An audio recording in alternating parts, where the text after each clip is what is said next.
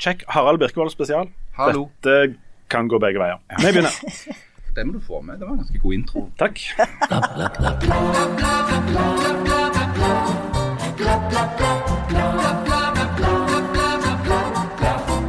Ah, 1985. Mikhail Gorbatsjov, Glasnost, Perestrojka og Bobby Socks og Take On Me.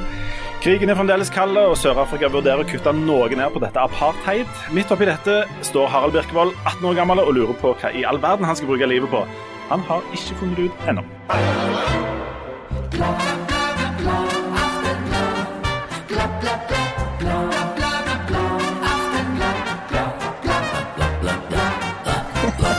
Hjertelig velkommen til Aftenbladet eh, sin sommerspesial. I dag skal det mot bedre vitende handle ganske mye om eh, The Life and Times of Harald Birkevold. Velkommen, Harald. Jo takk, jo takk, jo takk. Og som støttepersonell har vi professor Janne Stigen Drangsholt. Hei, hei. Eh, hvem, hvem er Harald Tusberg? Nei, kan hete 'Dette er ditt liv'? Dette er ditt liv. Ja. ja for, eh, og Jan, dette er jo litt sånn eh, Dette er ditt liv pluss moms. Ja, altså det er sånn at Hvis du lager podkast eh, og er på jobb gjennom hele år, så er det jo greit, for da har du et slags konsept. Og så blir det plutselig ferie. Da må vi jo finne på et feriekonsept. Og så eh, fikk vi det som på det tidspunktet virka som en god idé. Eh, vi får se om det bærer. det viser seg etter hvert. Men vi tenkte ok, i sommer da kan vi forhåndsinnspille noen episoder der vi møter oss sjøl som 18-åringer. Vi skal altså ta utgangspunkt i vår egen 18-årsdag, og så skal vi ha ett program på hver person. Og så skal vi lese aviser fra den dagen, og så skal vi fortelle litt om hvor vi sjøl sto i livet den dagen. Eh, hvor vi var, hvor vi tenkte at dette skulle ende, og i det hele tatt. Har aldri gjort det før. Det blir eh, spennende. Ja, og vi er jo ublyge nok til å bare lage masse podkaster om oss sjøl. Og det virker jo som en god idé når jeg og deg snakket om det for et par måneder siden. Ja. og så har vi jo tenkt ja, tenk litt på ja, er det så mye? Men vi skal, vi skal jo plassere oss sjøl i verden, så derfor er det individ i samfunn, slik som samfunnsfagboka heter. Det er litt sånn ja, du og de andre. Ja. Ja, du og de andre. Det heter min. Ja. Og, og i dag Var du og de andre samfunnsfag, eller var det KRLE? Jeg tror det var samfunnsfag, Ja. du og de andre, ja. Ja. Og, og, og eh, det er jo 18-årsdagen, ikke den dagen vi, blir, eh, vi ble født, vi tar utgangspunkt i. Um, og i dag er det da Harald Birkevold eh, spesial. Og, og jeg regner med at de fleste nå har skrudd av, men hvis det er noen igjen som hører på dette Du var jo ikke 18 i går, Harald. Nei, det, det, og det ble jeg veldig klar over når, Ja. når jeg da hadde fått dette oppdraget. Jeg hadde jo, og det vil jeg ha understreket, håpet at jeg aldri skulle møte igjen denne personen, eh, Harald 18. Eh, og, men nå har jeg jo vært nødt til å liksom på en måte dra tilbake da til høsten 1985 og se meg sjøl inn i øynene, liksom. De, de, det er jo ikke akkurat eh, Ja, ja. de andre som kjente deg når du var 18 år, tror du de tenker det samme som deg? At de skulle ønske at de aldri møtte denne personen? Nei, jeg vet ikke. Når jeg var 18, så Altså, jeg, den 16. september eh, 1985, altså den dagen jeg fylte 18, så var jeg helt garantert ikke hjemme. For jeg var helt garantert på fjellet, på jakt. For det at på den tida så begynte rypejakta den 15. september. Snakker vi nå konkret i jakt, eller overført Nei, betydning? konkrete jakt på, på fuglene som heter ryper. Okay. Uh, sånn at jeg var helt garantert på fjellet den dagen. Sånn at det, jeg hadde ikke lest, sannsynligvis lest det Aftenbladet for Det var en mandag. Uh, 16.9.1985 var en mandag. Men du går der, og så ta, kan vi, skal vi bare ta litt sånn underveis, eller skal vi så lov? Nei, vi tar litt underveis. Ja. Jeg vil si allerede nå framstår det for meg som du var en sjuk og merkelig person allerede når du var 18 år. Altså, De jeg var på 18-årsdag jakt, eller? ja, 18-årsdagen står jo som noe sånn mytisk. Det er liksom, Da blir du myndig, og du kan gå og kjøpe øl i butikken, og, og du kan ta lappen. Eh, alt dette tinget. Jeg tok Men du- lappen ganske med en gang, altså. Ja, men, men jeg du- tror ikke det var på du- dagen. Du reiste for deg selv opp i et fjell. Eh, Ikke for meg selv, jeg var helt sikker sammen med faren min. Ok, ok, greit. Da er det notert. Harald valgte istedenfor å være med venner og være på fest, så valgte å reise med far sin til fjells. Men, Ja, men det var ganske typisk for meg eh, på den tida. Eh, at jeg ikke Jeg var ikke liksom sånn voldsomt på det å være på, på fest. Jeg syns det var mye kjekkere å være ute på, i naturen. Det gjør jeg for så vidt ennå. Men eh, du har jo tidligere eh, sagt at du eh, hele livet har vært sånn nokså litt sånn introverte, liker godt å være for deg sjøl. Um, og så er det jo dette gnålet om dette fjellet hele tida. Men, Ja. men dette har du hatt i deg hele livet, eller? Ja, ja, helt siden jeg var liten. Uh, men det er jo ganske rart. altså og dessuten er det jo ikke sant. Altså, det er jo ikke sånn at jeg bare liker å være for meg sjøl, men jeg liker òg å være for meg sjøl. Jeg har ikke noen problemer med å være for meg sjøl. Og av og til så har jeg et stort behov for det. Um, men ja, uh, 18 år gamle Harald. Uh, du hadde jo da blitt liksom ungdom og voksen på, på 80-tallet, da, 1980-tallet, som jo var et uh, rart tiår på mange vis. Um, og, det, og, det, så jeg òg når, når, jeg da åpna og det, det må jeg fortelle, for det at Når du jobber i en avis, som f.eks. Stavanger Aftenblad, så er det jo noe som heter et arkiv. Og Nede i det arkivet så ligger det noe som de kaller for kompletter. Som er altså old school, svære, innbundne hefter som inneholder hver eneste side i hver eneste avis som Aftenbladet noen gang har publisert. Alt det der, Den hukommelsen vår, den analoge hukommelsen, den ligger nede i et støvete arkiv i kjelleren. Og Der kan du gå ned og finne hvilket som helst eksemplar og bla i det. da. Um, og det, det, er jo rart altså, Vi hadde jo f.eks. fullformat. Det, eh, det var ikke så lenge siden vi gikk over til tabloidformat, egentlig. Og da var det jo disse svære avissidene. Så det var plass til enormt mye tekst og bilder på. Én uh, sånn en side kunne ha liksom åtte eller ni forskjellige saker på seg, som handler om alt ifra eh, uh, sildefiske til situasjonen i Bolivia. Eh, på første sida i Stavanger Aftenblad, liksom. Eh, og Det som dominerte nyhetsbildet den dagen jeg fylte 18, det var at det akkurat hadde vært valg i Sverige. Og Olof Palme sin regjering hadde overlevd med et nødskrig. Eh, og Dette var i 85, og det betydde jo at dette var ikke så lenge før da Olof Palme ble skutt og drept. Eh, det var vel i var det i 86 eller 87? Det var vel, jeg var, 86, rett etter det valget.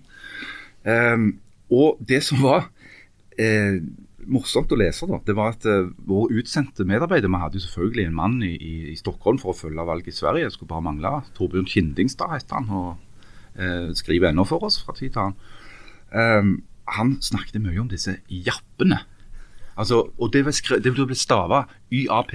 Oh ja, altså, YAP. Akkurat som den amerikanske oh ja. definisjonen av en japp er jo en young aspiring person. Uh, og Jappene hadde tatt et stort jafs framover med et sånt sosialliberalt parti i Sverige, der alle hadde sånne børsfrakk og håret bakover, sånn som Gordon Gekko. Uh, og disse hadde jo da uh, fått en voldsom framgang og, og, og trua da det sosialdemokratiske hegemoniet i, i Sverige. Uh, og dette var Aftenbladet også ganske begeistra for å få lederplass. fordi Aftenbladet var ennå Og det er tydelig. Dette var i 1985. Det var en god stund siden Aftenbladet hadde slutta å være en, en, sånn partiavis for Venstre. Men allikevel veldig begeistring for dette sosialliberale eh, framsteget her. Men du, altså, Før vi går videre, bare for de som eventuelt ikke var eh, 18 og kjønnsmodne på 80-tallet med, med jappene. Hva, hva, var Japan, eller hva var Young Aspiring Persons, og hvor oppsto det, og hva, hva, er det for noe? Nei, Det er jo delvis en kles... Altså, det manifesterte seg jo veldig i en, sånn, en ganske sånn outrert eh, klesstil, sånn som Harald sier. Med store sånn, jakker. Store jakker, ja. Eh, skulderputer for kvinner. Eh, og det var jo ikke bare mennene som hadde håret kort strøket bakover, det var jo òg veldig populært blant kvinner. Så det var en sånn en business executive lifestyle-stil ja, som alle gikk rundt med. Du skulle bli rik på å kjøpe og selge aksjer, ikke sant? og du skulle kjøre det de kalte for en børstraktor, som var ja. en litt sånn unødvendig stor bil, som de i dag ville kalle en SUV. Ja. Uh, og, Selv om en hadde jo ikke SUV-er på den tida, så det var jo mer Mercedes stasjonsvogn. ja, ja. Bilen skulle være så stor som mulig. Du skulle ta veldig mye plass. Og så var det jo det at det var jo ikke flaut. Altså Det var jo det som var den store forskjellen mellom 70-tallet og 80-tallet. Plutselig så var det ikke flaut å ha penger. Du skulle vise at du hadde penger. Du skulle kjøpe liksom eh, tre sånne mugger med sangria når du var i Syden. Det var liksom ikke måte på. Så det var både at du eh, Altså måten du kledde deg på, men det var òg litt måten du oppførte deg på og tok plass på i samfunnet, da. Så du viste fram at du var young and aspiring? Absolutt. Ja. Og i den, den avisa på den 16., mandag den 16. september 85 så var det jo da en helsides annonse for eh, eh, Kafé After Six på Atlantic Hotel.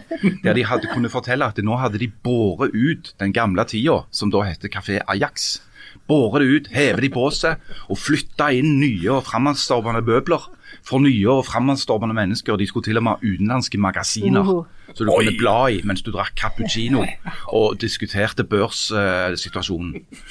Eh, og jeg husker faktisk, eh, og det hadde jeg glemt selvfølgelig, men jeg husker når jeg da leste den annonsen, så husker jeg jeg var faktisk på åpningen på Kafé After Six. Hæ? den Men, påfølgende hør, helgen. men Harald Birkevold, Ja. jaktentusiasten Ja. oppe i Suldal Det var jo Ja, dette henger jo ikke på greip. Nei, men jeg, jeg ser ikke for meg at du var en japp.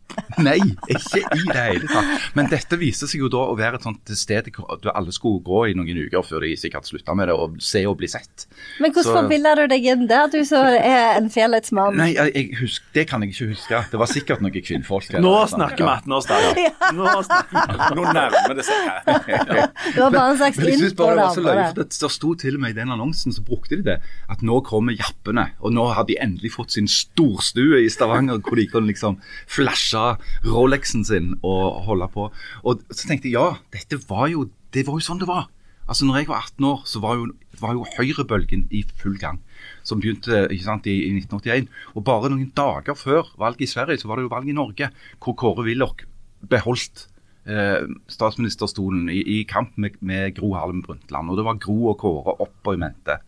Eh, sånn at dette var jo sånn, rent sånn Politisk så var det en sånn der høyrebølge som skylte over eh, landet, og den var der akkurat da. Og den passet deg kjempegodt eh, når du var 18.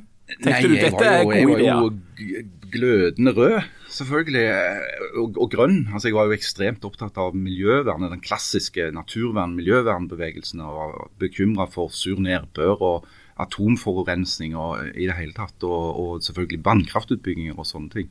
Du var med i sånn Natur og Ungdom og sånt? Du, Ja, jeg var veldig aktiv i Natur og Ungdom i noen år, og veldig bekymra for um, Vi har jo snakket om det i podkaster tidligere, om hva vi var redde for før og nå.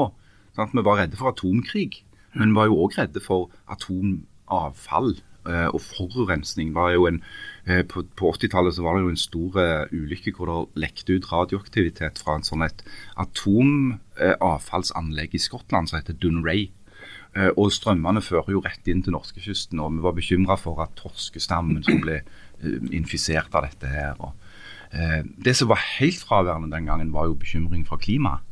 Det var jo ingen som hadde hørt om at det var en sammenheng mellom eh, utslipp av CO2 og, og, og værforandringer. Nei, for, eh, Nå kommer det et spørsmål fra ungdommen, representert med en 42 år gammel mann. Men jeg, jeg jeg, var- ble født eh, en del senere. Jeg trodde at miljøvern fram til på en måte nesten litt sånn seint 90-tall var en mann i en sånn islender som sprang rundt og, og, og ropte at uh, ting var skadelig. Og, og det var det. altså Omtrent bare sånn Fredrik Hauge. Og, så var resten brydde seg ikke før etter OL på Lillehammer. Ja, altså Rundt på denne tida, eh, 1985, så var jo Fredrik Hauge i Bellona. Eh, eller han var jo fortsatt ikke Bellona var vel knapt stifta da, men det var på beddingen.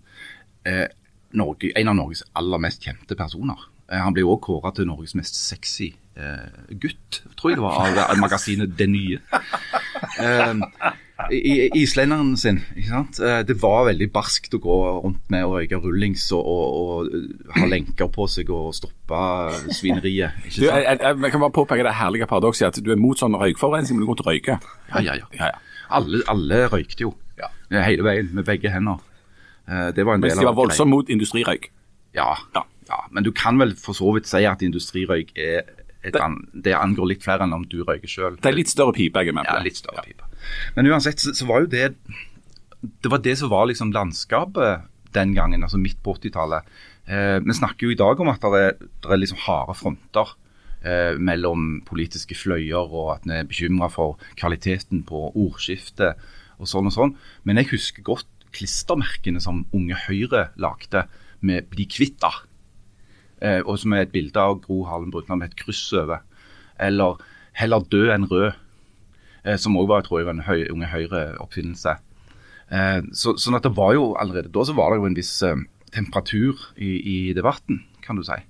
Eh, dette var jo òg ikke så mange år etter at eh, AKP-ML hadde blitt en slags maktfaktor i, i, fløyen eh, sant, på venstre kant der. Med, på slutten av 70- og begynnelsen av 80-tallet så var jo de på sitt eh, mest sære, kan du si. Så det var jo allerede da så var det jo mye politisk kamp, da, motstand rundt forbi. Men du, det, det som, som jo har nå òg men der, dette var jo lenge før sosiale medier, og det var en annen sånn TV-virkelighet. Det er et annet fint sånn øyeblikksbilde i den avisa, og det er at danskene, de psykoene nede i Danmark, representert med eh, Hvem var det?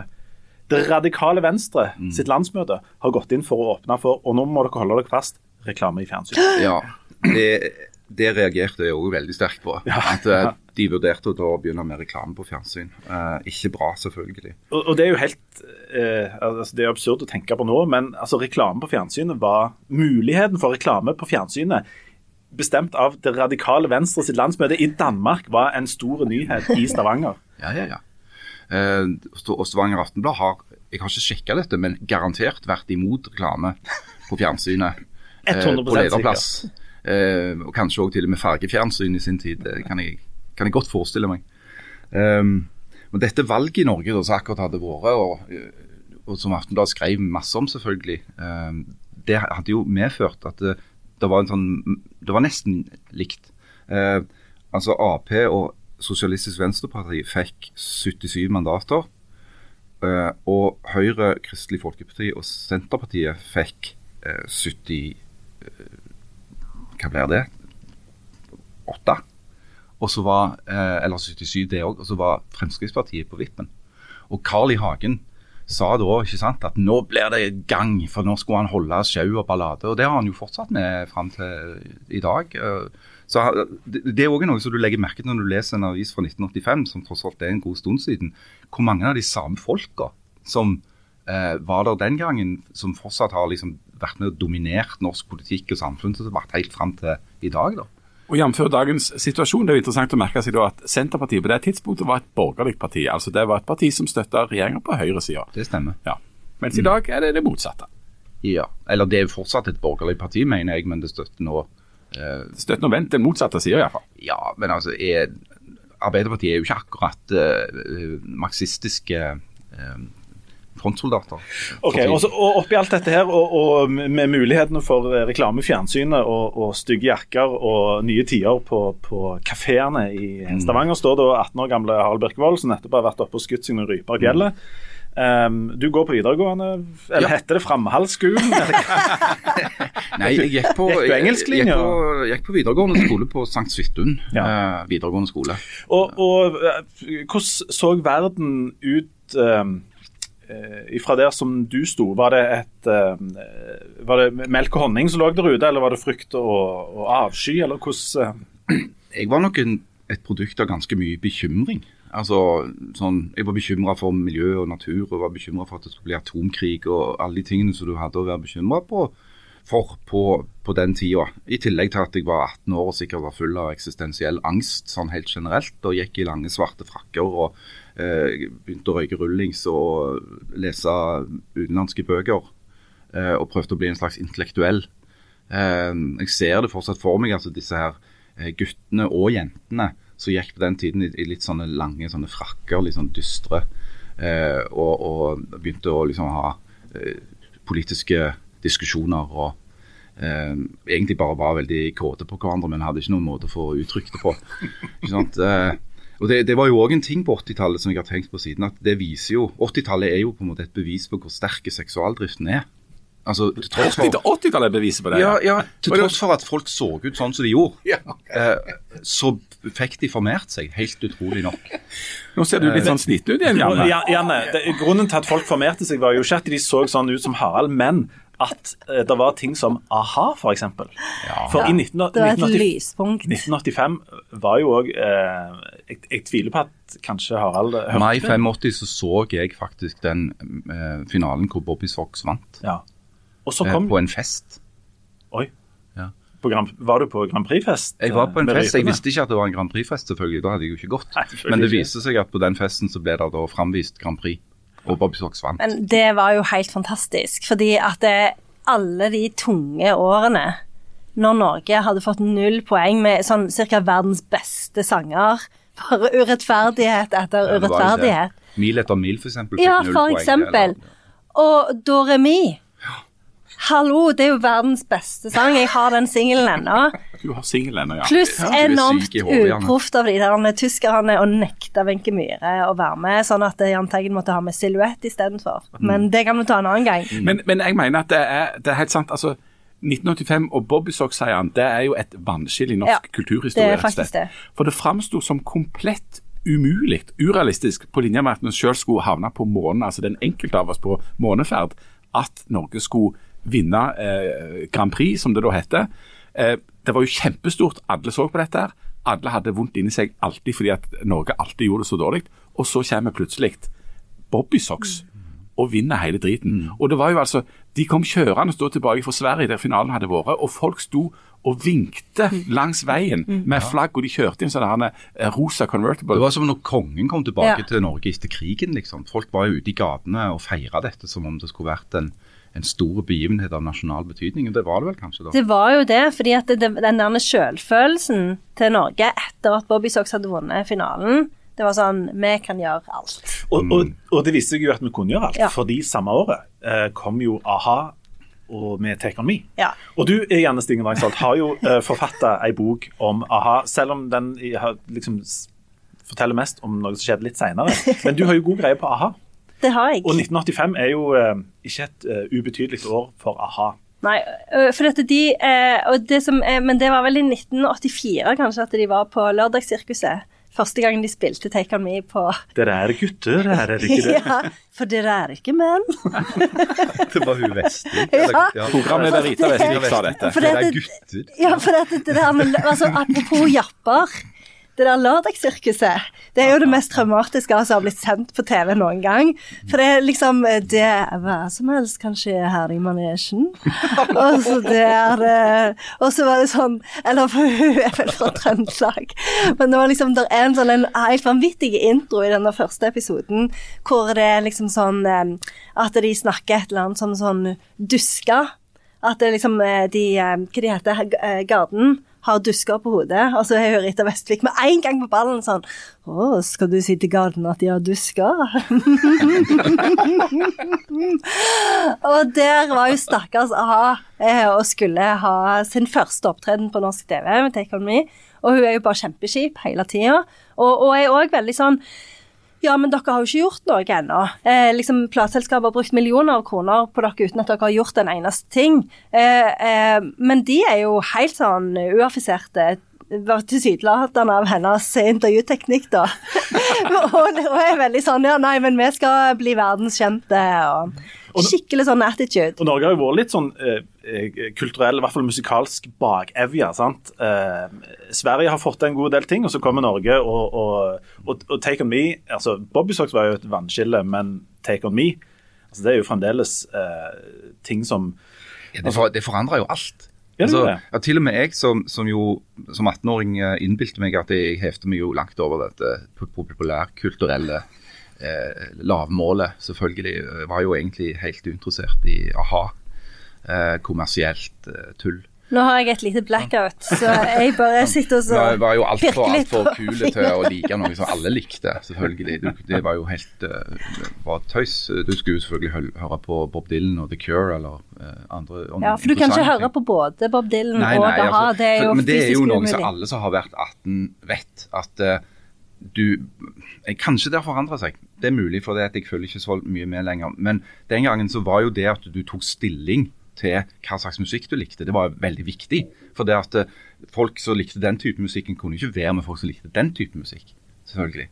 Det sa nesten seg sjøl. Sånn at det, det, det var jo det de kaller for det, identitetsmarkør. Var hva du valgte å høre på. Eh, og det, og det, a-ha var jo ikke stuereint blant de som hadde de aller aller lengste frakkene, og kanskje til og med vurderte å begynne å røyke pipa, som jeg gjorde.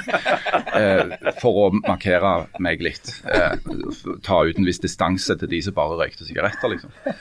Eh, så, så, og det var jo da det som da skjedde, jeg fant meg sjøl igjen da på stående på badet foran speilet og prøve å få håret mitt til å ligne på håret til Morten Harket.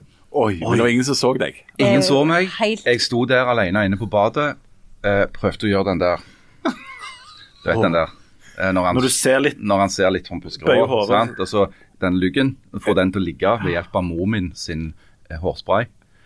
Eh, tenker jeg å, skal jeg ta det vekk igjen, eller skal jeg gå ut med dette? Skal jeg ha det sånn? Og så valgte jeg å gå ut med det. Eh, og det, var, det, det følte jeg var veldig modig. sant? Eh, det var vel omtrent samtidig, eller kanskje et år senere, hvor, hvor en sto på badet og faktisk tok på seg eyeliner. Eh, men det var jo mer The Cure, da. ikke sant? Altså, Vent, når vi typen. sier mann, snakker vi da konkret om Harald Vi snakker eller? konkret om meg, ja. Oh, ja. Jeg har vært ute av huset med iført eyeliner. På, på den der jappeklubben, eller hvor gikk du hen da? Det var mer på Sting, tror jeg. ja. For Sting var jo uh, the shit. ikke sant? Hvis Ja. du hadde, For de med ekstra, ekstra lang frakk, så var jo det, det Sting-stedet. og The Sting? så- Det var The Sting. Liksom. Eh, det var liksom, den kuleste kafeen i Stavanger. Eh, der var det folk som eh, hadde, hadde vært i Paris og sånne steder. Um, Over tid. ja, eller i helg. Ja. Ei helg, i fall. Godt med det. Men du, Et personlig eh, spørsmål. Eh, Som 18-åring var du en, en uh, selvsikker og høy på deg sjøl og besserwisser, sånn Litt som sånn du er nå. jeg, jeg var Nei, jeg var ikke det. Eh, altså, når, du er, når du er 18 år, så må du jo være psykopat hvis du skal være eh, enormt selvsikker. Ja, Vi kommer til Jan seinere. Men, Det var stygt sagt, det. men eh, nei. Jeg, jeg var jo selvfølgelig akkurat like sosialt usikker og full av eh, eksistensielle problemstillinger som eh, tenåringer flest, tenker jeg. Eh, jeg valgte bare å kanalisere den energien i en annen retning. Hvor opptatt var du av, av verden og ting som foregikk eh, rundt deg? Var du, eller hadde du mer nok med deg sjøl? Nei, jeg var jo veldig opptatt av verden, fordi eh, jeg ble jo engasjert i, i naturungdom og Naturvern og var med på landsleirer og landsmøter. og Der var det jo en, en, en form for politisk diskusjon. Jeg var aldri partipolitisk engasjert, men jeg var jo engasjert i det. Jeg jobbet òg i Turistforeningen, for det, at det var jo en genial måte at du fikk penger for å være på fjellet. Det var jo, hæ, Hvem hadde trodd at det var mulig? liksom? Du kunne være på fjellet og få lønn. Eh, men, men ja, jeg var jo samfunnsinteresserte. Det var jo alltid de fagene jeg likte best på skolen òg. Altså dette med du og de andre, og samfunnsfag og sosiologi, og å diskutere. Jeg likte språkfagene godt. Visste du hva du skulle bli? Nei.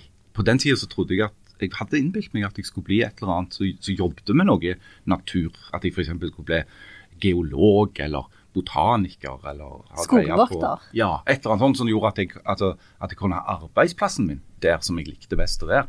Det hadde jeg en forestilling om. Men eh, så viser det seg jo at for mange av de jobbene så måtte du være god i matte og, og, og sånt, og det var ikke jeg egentlig så veldig Jeg var ikke så elendig heller, men jeg var liksom ikke spesielt interessert i det, viste det seg. Så da slo jeg det fra meg. For, for, for når en er, når en er 18 år, da har en fullført andre videregående. Så en har ett år igjen før en da skal gjøre gjøre de, de store Det er riktig. Du gikk i andre klasse på videregående, ja. Ja. Men du hadde Bekymra det deg, eller tenkte du på hva som skulle skje etter det året, eller var det liksom noe du Jeg dytta på da? visste iallfall ikke hva jeg skulle bli. Nei. Vi skal ta en eh, kjapp liten pause. Når vi kommer tilbake igjen, så skal vi finne ut eh, litt eh, mer om hva som sto i avisa den dagen Harald ble 18, og hva tid det skar seg på Harald Birkvold, sånn at han til slutt endte i journalistikken ikke på fjellet. Vi tar en kjapp pause, så er vi snart tilbake.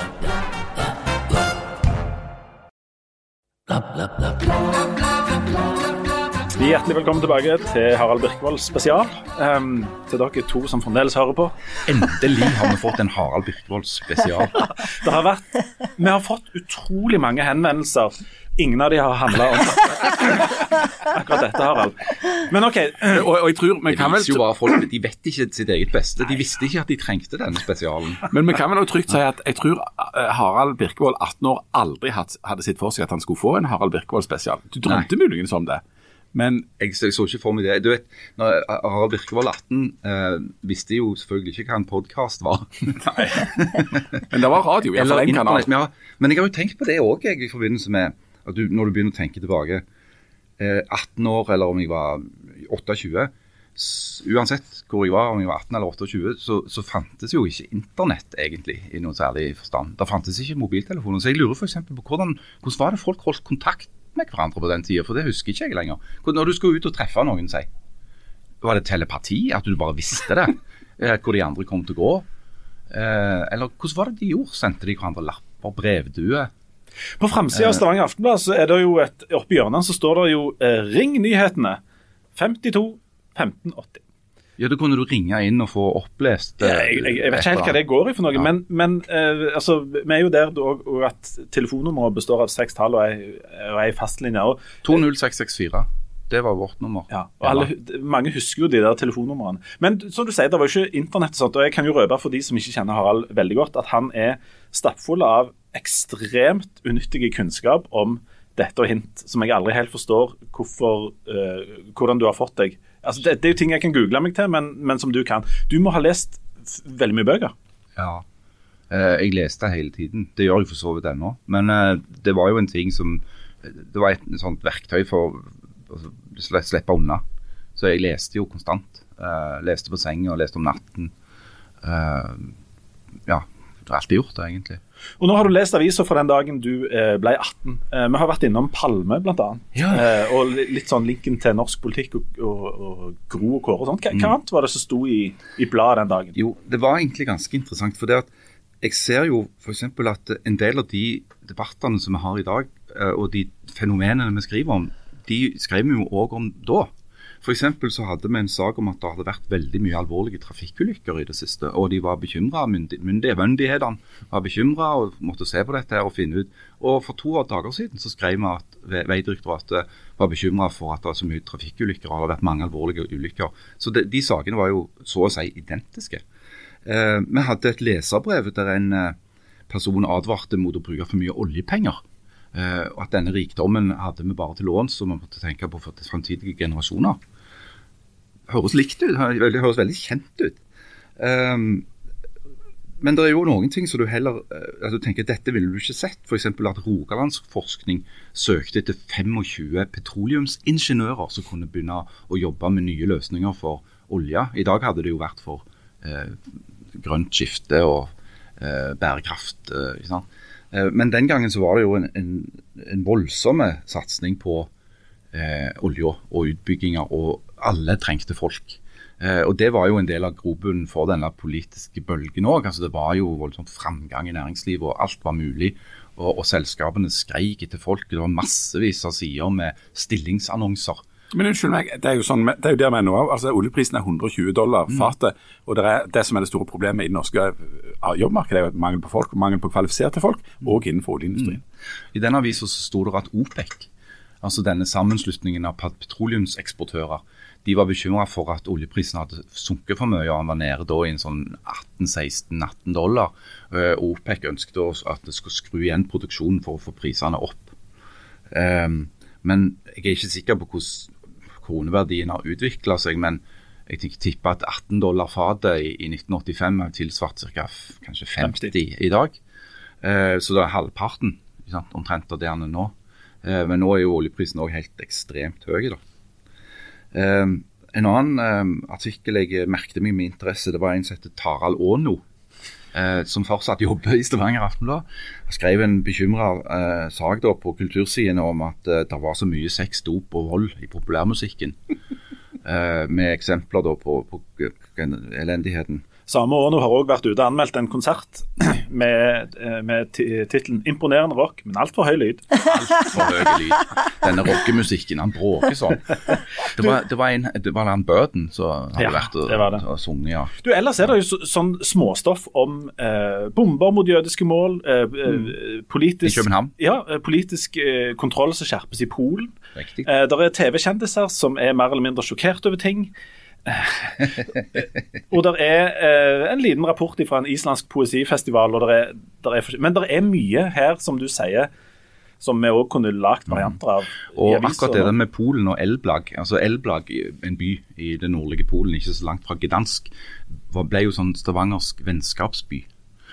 Og når disse solidaritetsaksjonene med Lech Walesa i spissen begynte, det var jo litt før, kanskje i 82-83, eh, med de første liksom, protestene mot det kommunistiske diktaturet i Polen, så engasjerte foreldrene mine seg veldig sterkt i den der solidaritetsaksjonen mot eh, Elblag.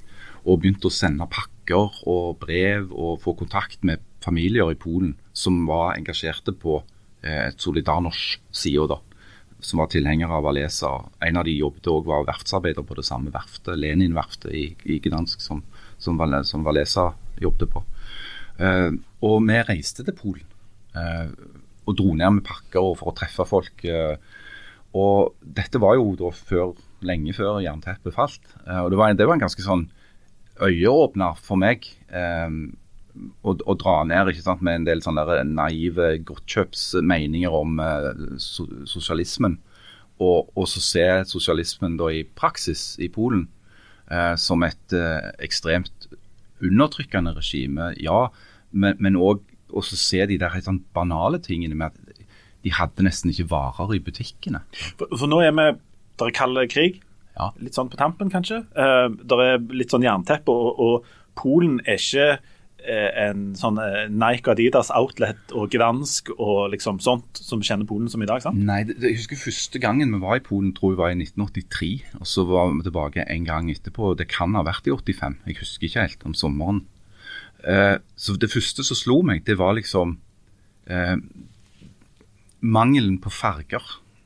Altså hvor gråe bygningene var. Hvor, hvor på en måte, i gråseiene industrielt alt var. Altså At klærne var annerledes, eh, litt sånn kjipere på en måte i snitt og farger.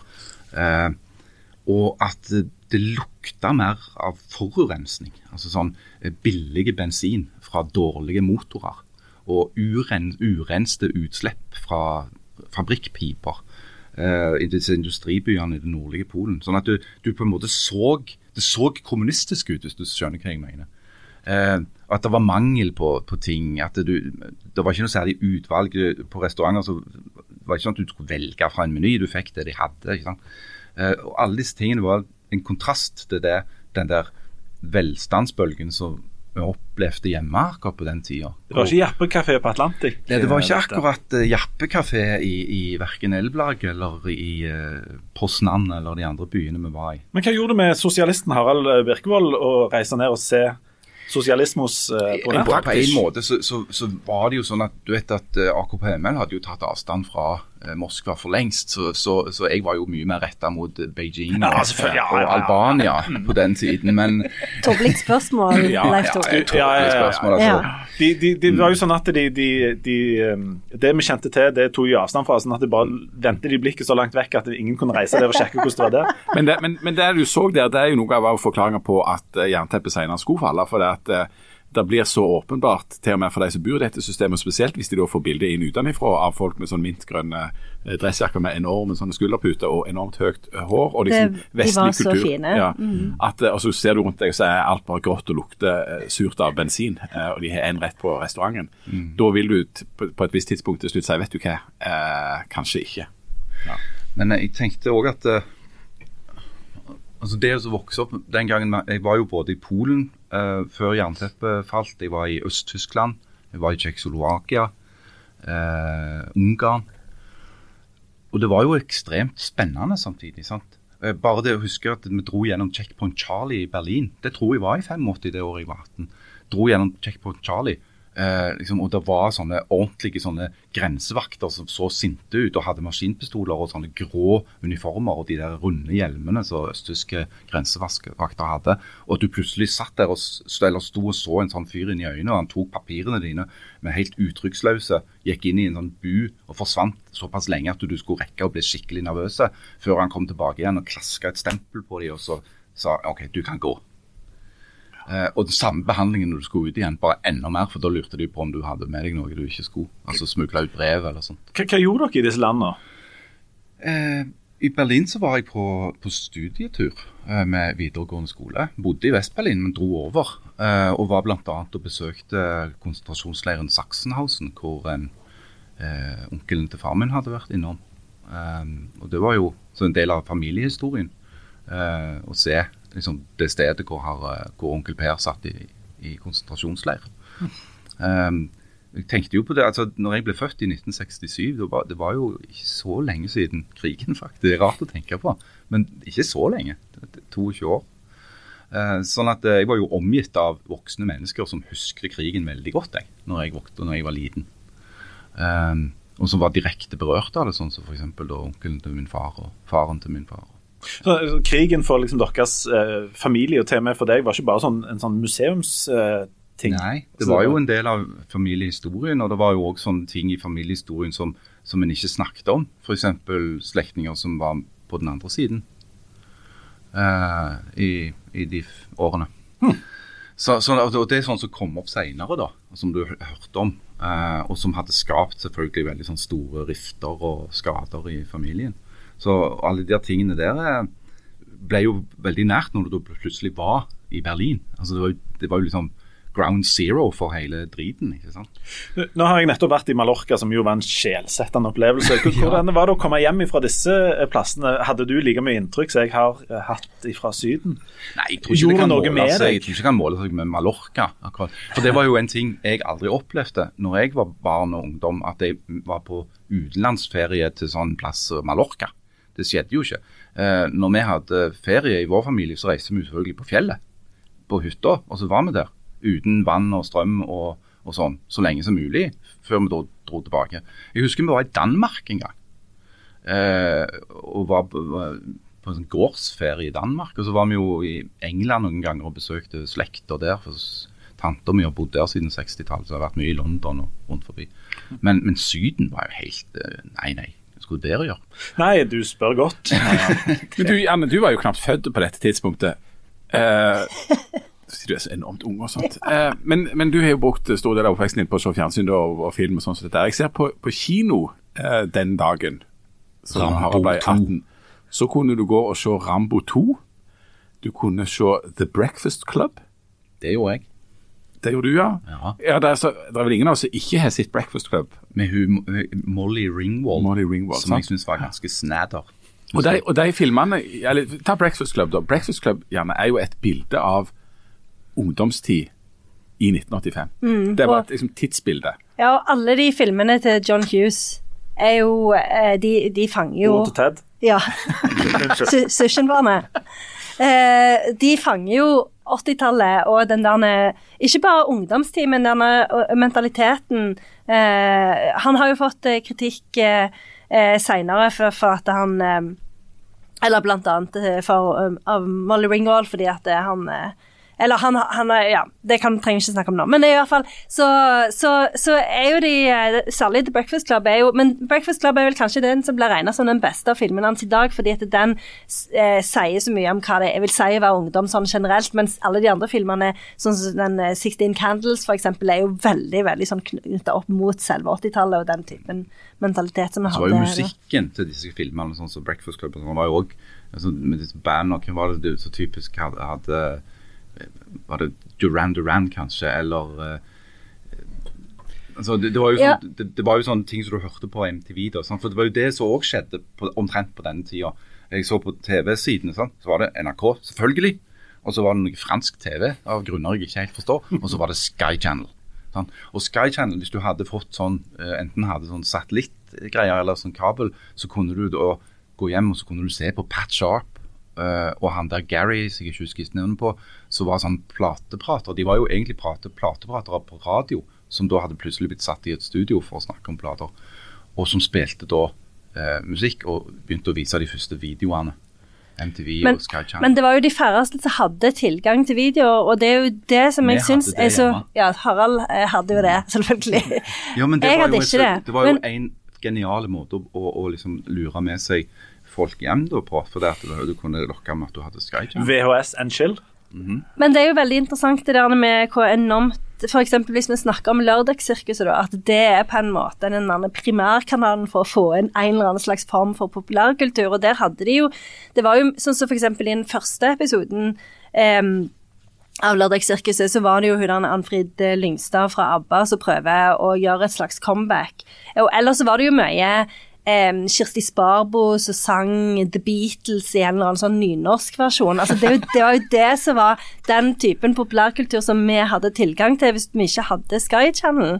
Eh, og og eh, dette her med musikkvideoer Eh, sånn som eh, Harald sier, så var det jo eh, f.eks. i eh, Breakfast Club så var det jo Don't You Forget About Me med Simple Minds som ble en kjempestor hit, men det var jo ingen som fikk sett videoen noen gang. For Hvis du skulle se videoen av noe, så var det jo fordi NRK fant ut at det var en eller annen god grunn til at de måtte vise akkurat den videoen. Sånn at jeg husker de viste Neverending Story av Lee Mal på oh, ja. eh, frokost-TV en gang. Så alle satt og gørra seg gjennom hele frokost-TV bare for å få se den der ene videoen. Og jeg syns det var nesten litt sånn sadomasochistisk av NRK å holde på på den måten. Sånn som når A ble store, da, så var det jo sånn at av og til viste de videoene deres på Dagsrevyen, men ellers så kunne du jo ikke se dem noe sted.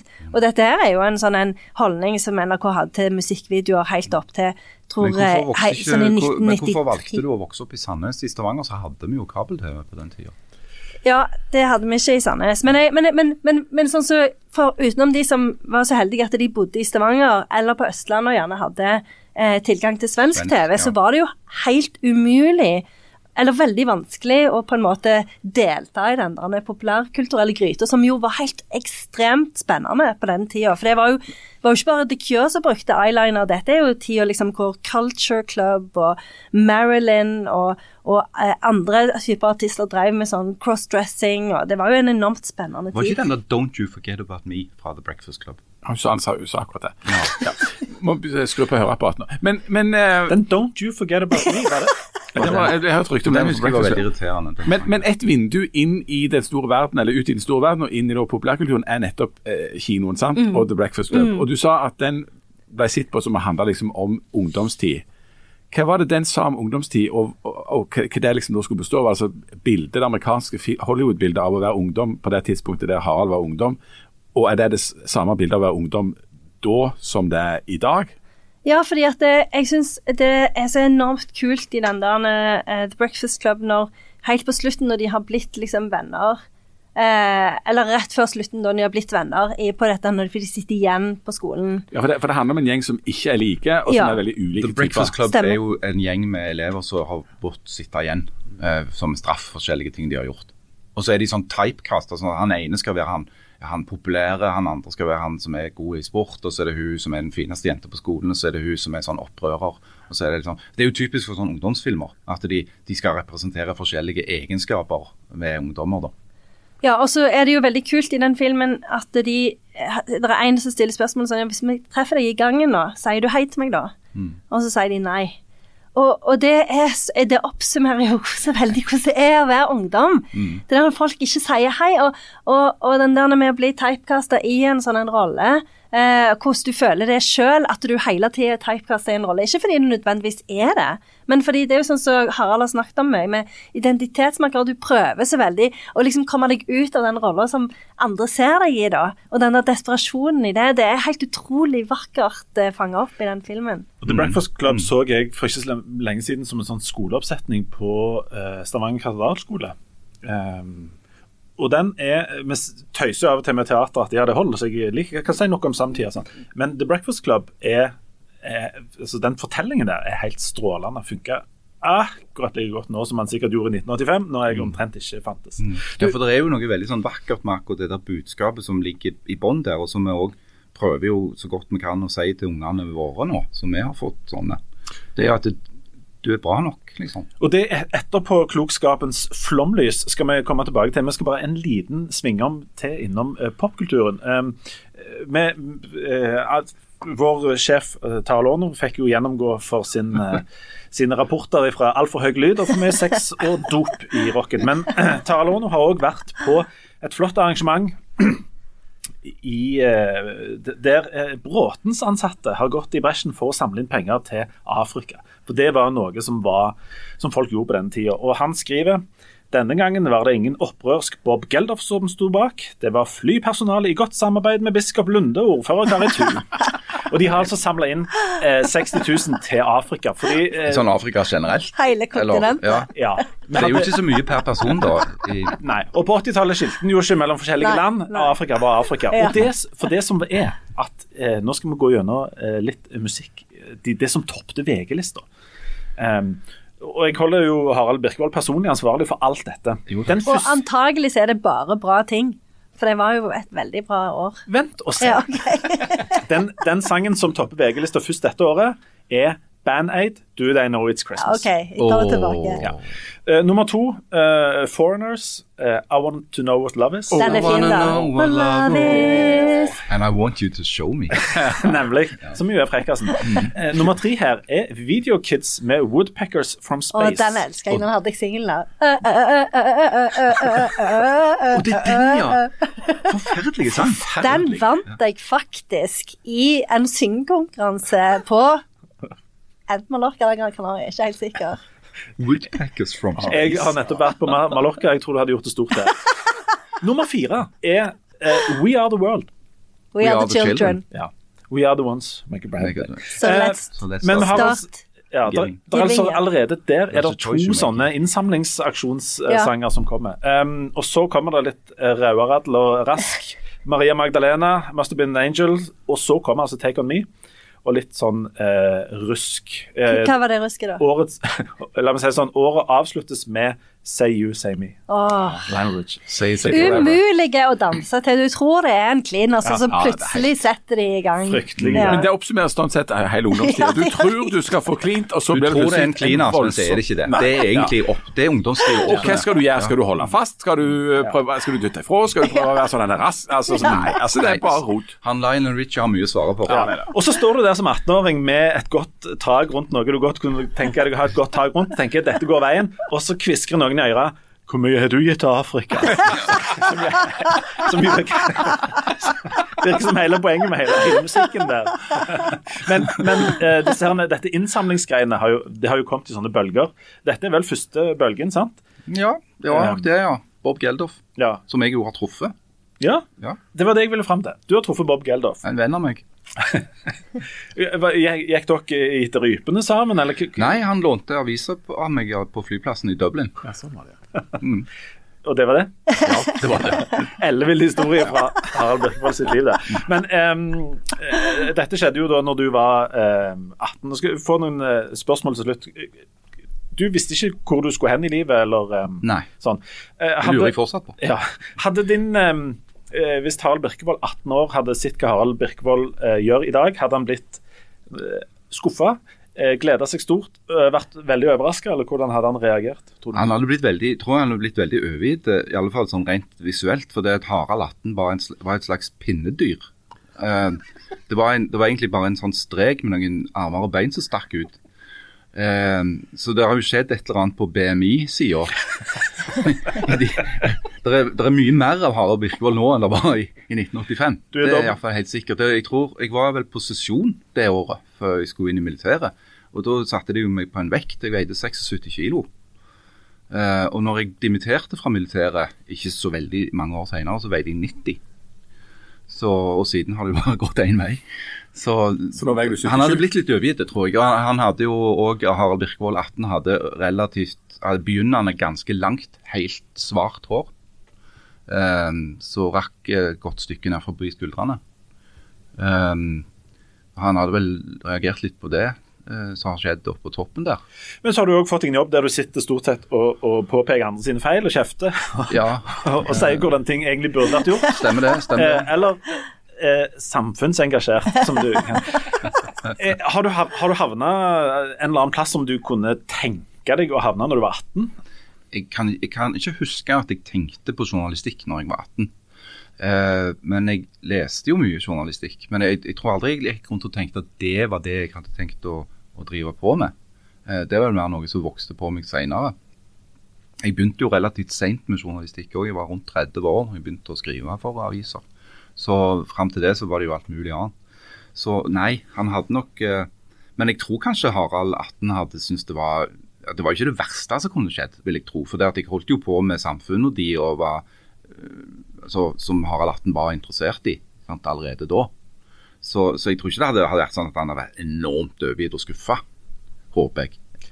Nei, og nå skal vi, vi, avslutte med, med en eh, We are the world. We are the world. Ja, nesten. Litt, vi skal avslutte i emo-hjørnet, i alle fall.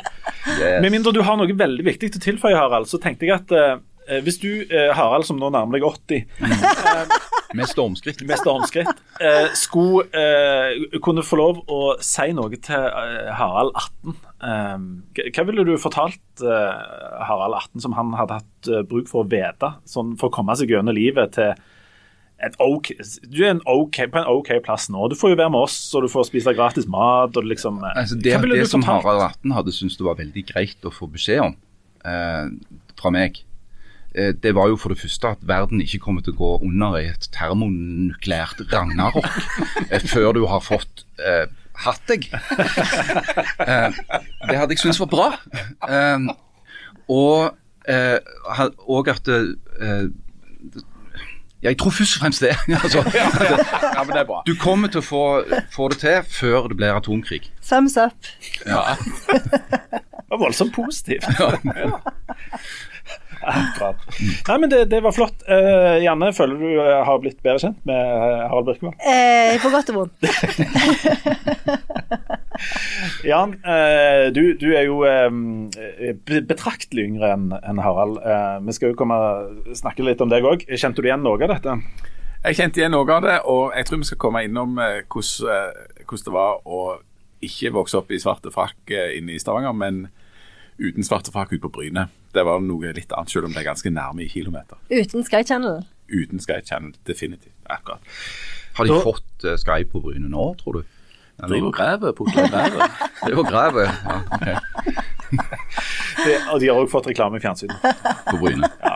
Og det der reklamesjansen burde vi aldri tillatt. Aldri. Nei, jeg, det er veldig mange ting vi ikke skulle Det er jo radikale venstre i Danmark som har ødelagt. Ja. Vi- Vi skulle ha sett faresignalene Ja, i 85. Ja, og ingen- Og ingen skal si at ikke Aftenbladet advarte mot det. Nei. Nei, det skal vi ikke ha på oss. Da, eh, da takker vi Harald Birkevold for hans eh, systematiske og skjematiske gjennomgang av sitt eget liv. Takk, Harald. Tusen takk, Takk, Harald. takk. Vær så god, vær så Eh. Neste uke så går vi løs på deg, Janne. Det kan jo bli en eh, fest, eh, blir det ikke? Jo. Ja. Vil du, vil, du, eh, vil du lokke med noen stikkord? Eh, Reiulf Steen. Er det stikkord nok for deg? Du, Du, nå tror jeg du teaser. Nå alle kommer alle til å storme til telefonene sine og laste ned. Hvorfor ble ikke du selger? Lag et bokmerke i kalenderen. Ja. Neste uke så kommer det noe info om Reilf. Ja, for en pitch. Da er vi tilbake om ei uke.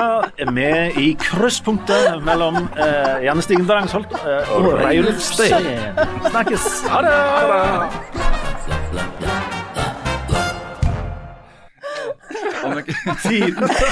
tidens innsalg. Den hadde du tenkt på. Altså, sånne professorer akademikere ikke si at de ikke kan skrive liksom, overskrift og ingress og, liksom, og spisse og vinkle og selge inn. Ja, ja, ja. Hvorfor, hvorfor tror du ikke noen leser forskningen din?